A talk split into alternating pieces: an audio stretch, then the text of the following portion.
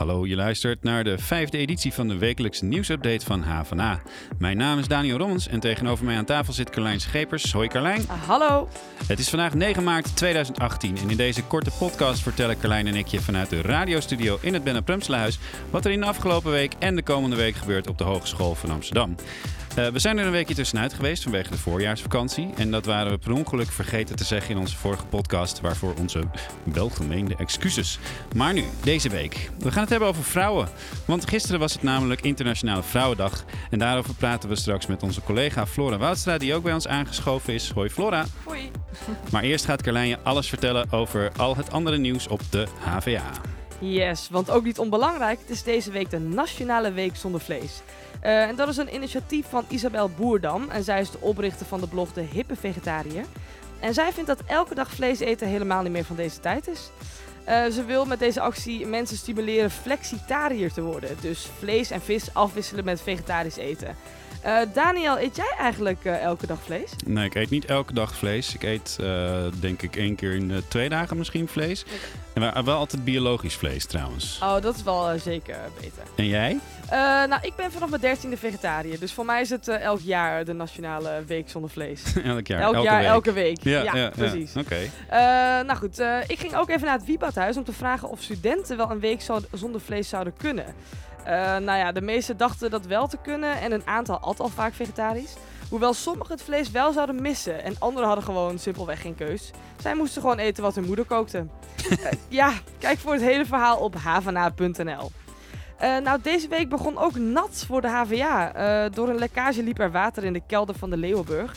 het koude winterweer had ervoor gezorgd dat er, een, dat er ijspropjes waren ontstaan in een leiding. En daardoor kon het water nergens heen, werd de druk in de leiding super hoog en ging er een zwakke plek stuk.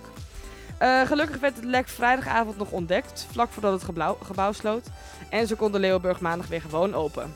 En op maandag ging Daniel even langs op de Leeuwenburg. Hoe was het daar? Nou, het was inmiddels weer droog, grappig genoeg. Uh, want ze waren er inderdaad op tijd bij. Um, maar ik heb wel eventjes met uh, de twee mannen die daar uh, vanaf vrijdag de rest van het weekend hebben gewerkt, in de kelder gekeken um, hoe het er dan bij stond nu. En daar heb jij een geluidsfragment van, volgens Zeker, mij. ja.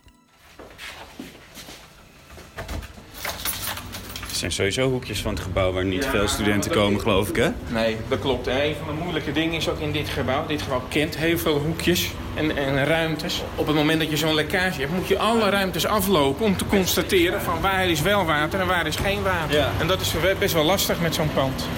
Ja. In deze ruimte kwam langs de armaturen kwam het water naar beneden. We zitten hier dus op min 3. Uh, dat is de brandmaancentrale waar we plastic om gedaan om te voorkomen dat we schade hebben. Nou, gelukkig is het allemaal beperkt gebleven tot dat gedeelte. Deze groepenkast die stond volledig onder water. Die is nu nog uitgeschakeld. Waar alle afgaande groepen naar de verschillende uh, en alle andere toegangscontrole... Uh, zijn ze nu allemaal aan het herstellen door alles na het kijken of het geen schade hebt, geen brandgevaar is als we het weer aanzetten dat het uh, verroest is of dingen blijven hangen. Nou was het vakantie en het uh, werd bijna ook nog weekend in de vakantie. Dus er was niemand in het gebouw, geen gebruikers in het gebouw. Het was s'avonds om half acht, dus het pand was al gesloten. Ja, precies. Het, sorry, ze waren het pand aan het sluiten. Ja, wa waren jullie op enig moment bang dat uh, de HVA niet open zou kunnen? Vandaag, nee, eigenlijk, eigenlijk, eigenlijk, niet op dat moment. Nee, nee. Wij hadden, we hebben het gezien waar het lekte. En we hebben uh, het meteen al eigenlijk heel snel kunnen beperken. Vrijdagavond om uh, half acht is meting uh, gebeld. Vervolgens zijn we samen zijn wij, erheen gegaan. Was de waterleiding was al dicht. En toen zijn we gaan uh, bezig geweest met schadebeperking. En baal je dan ontzettend of vind je het stiekem ook best leuk om zo'n nee, klus te doen? Nee, ik vind het niet leuk. Nee, ik vind het niet leuk. Laat dat heel duidelijk zijn. Ik zit daar niet op te wachten. Okay. Nee. nee. Nou, gelukkig hebben de mannen het allemaal weer op tijd opgelost... en konden de studenten maandag weer gelukkig gewoon naar hun colleges. Ja, ik, ik had stiekem het idee dat ze het toch wel een beetje leuk vonden. In ieder geval om erover te vertellen. Oké, okay, maar dat zeiden ze niet uh, erbij. Goed, uh, studenten die wel eens naar Lowlands zijn geweest... kennen misschien Lowland Science wel... Dat is een onderdeel op het festival in Biddinghuizen waar wetenschappers festivalgangers als proefpersoon uitnodigen voor hun onderzoek. Eh, ook HVA-onderzoekers staan regelmatig op het festival. Eh, vorig jaar liet eh, HVA Aukje de Vrijer, Lowlandsgangers, Lowlandsgangers hallo, Lowlands Gangsters, eh, balansproefjes doen en een parcours afleggen. Eh, en dit moesten ze doen met een speciale bril en hierdoor leek het alsof ze dronken waren. Waren ze Eh, niet sowieso dronken? Nou, dat, dat ook. Dus eh, ik, ben, ik heb Aukje vorig jaar gesproken en ze zei... eh, als mensen te dronken zijn, konden ze niet aan meedoen. Want dan zou Ja. het effect iets versterkt worden. Hm. Eh, en Aukje ging kijken ehm, eh, met de resultaten om te voorspellen hoe, wanneer ouderen vallen. Dus eigenlijk een heel ander onderwerp. Eh, ben jij nu ook onderzoeker op de HVA en is jouw onderzoek geschikt om op Lowlands uit te voeren?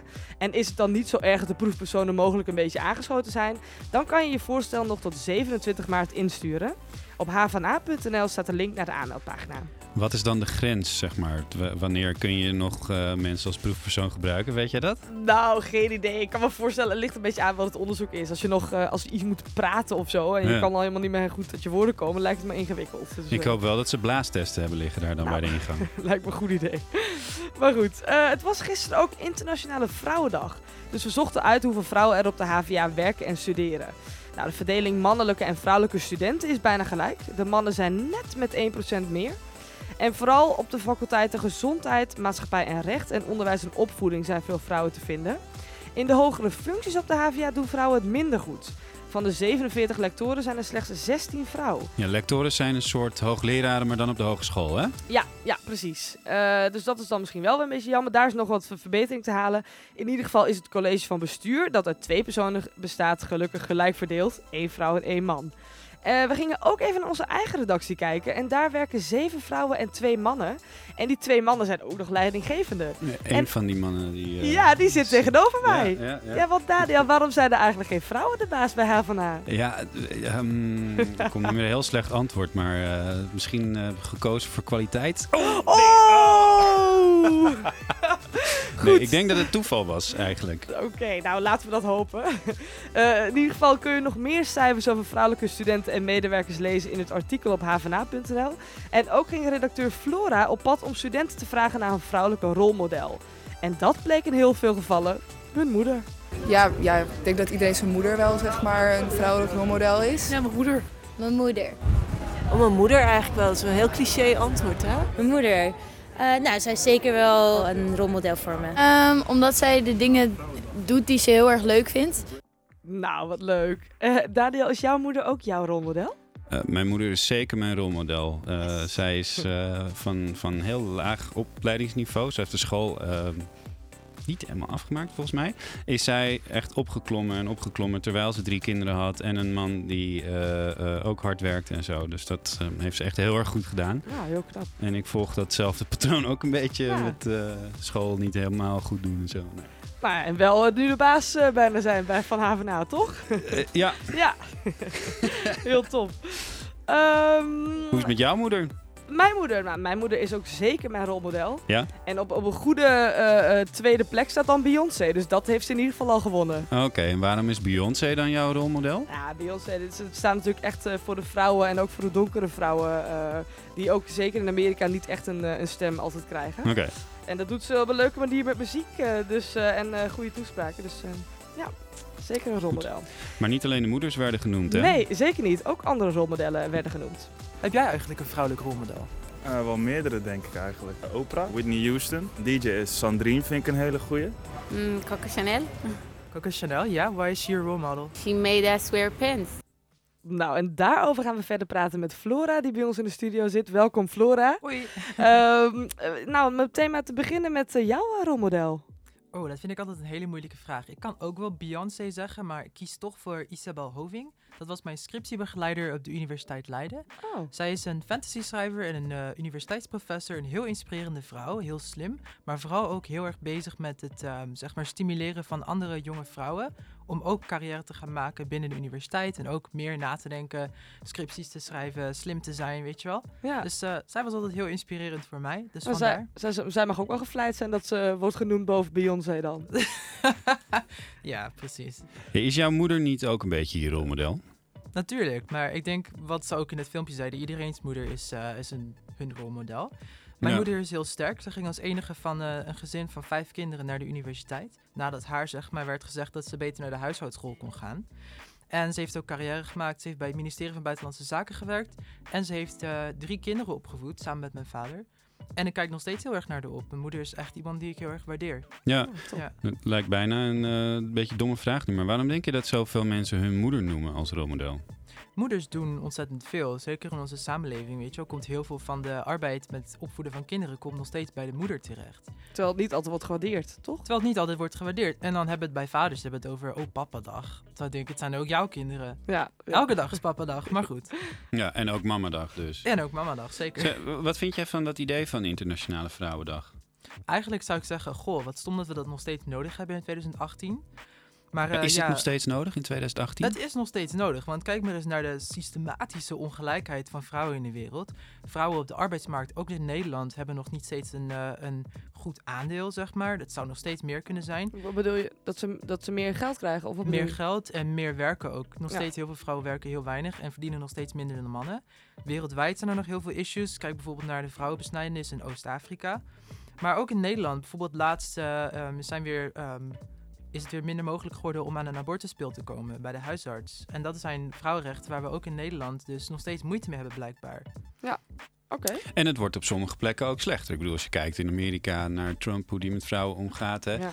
eh, dan, dan eh, denk ik dat er wel wat initiatieven nog eh, nodig zijn, misschien. Zeker, maar kijk ook naar Nederland. De nieuwe minister van Buitenlandse Zaken, Stef Blok, die heeft laatst gezegd, die heeft ooit gezegd in een interview, Ja, dat hij oh het ja. altijd leuk vond.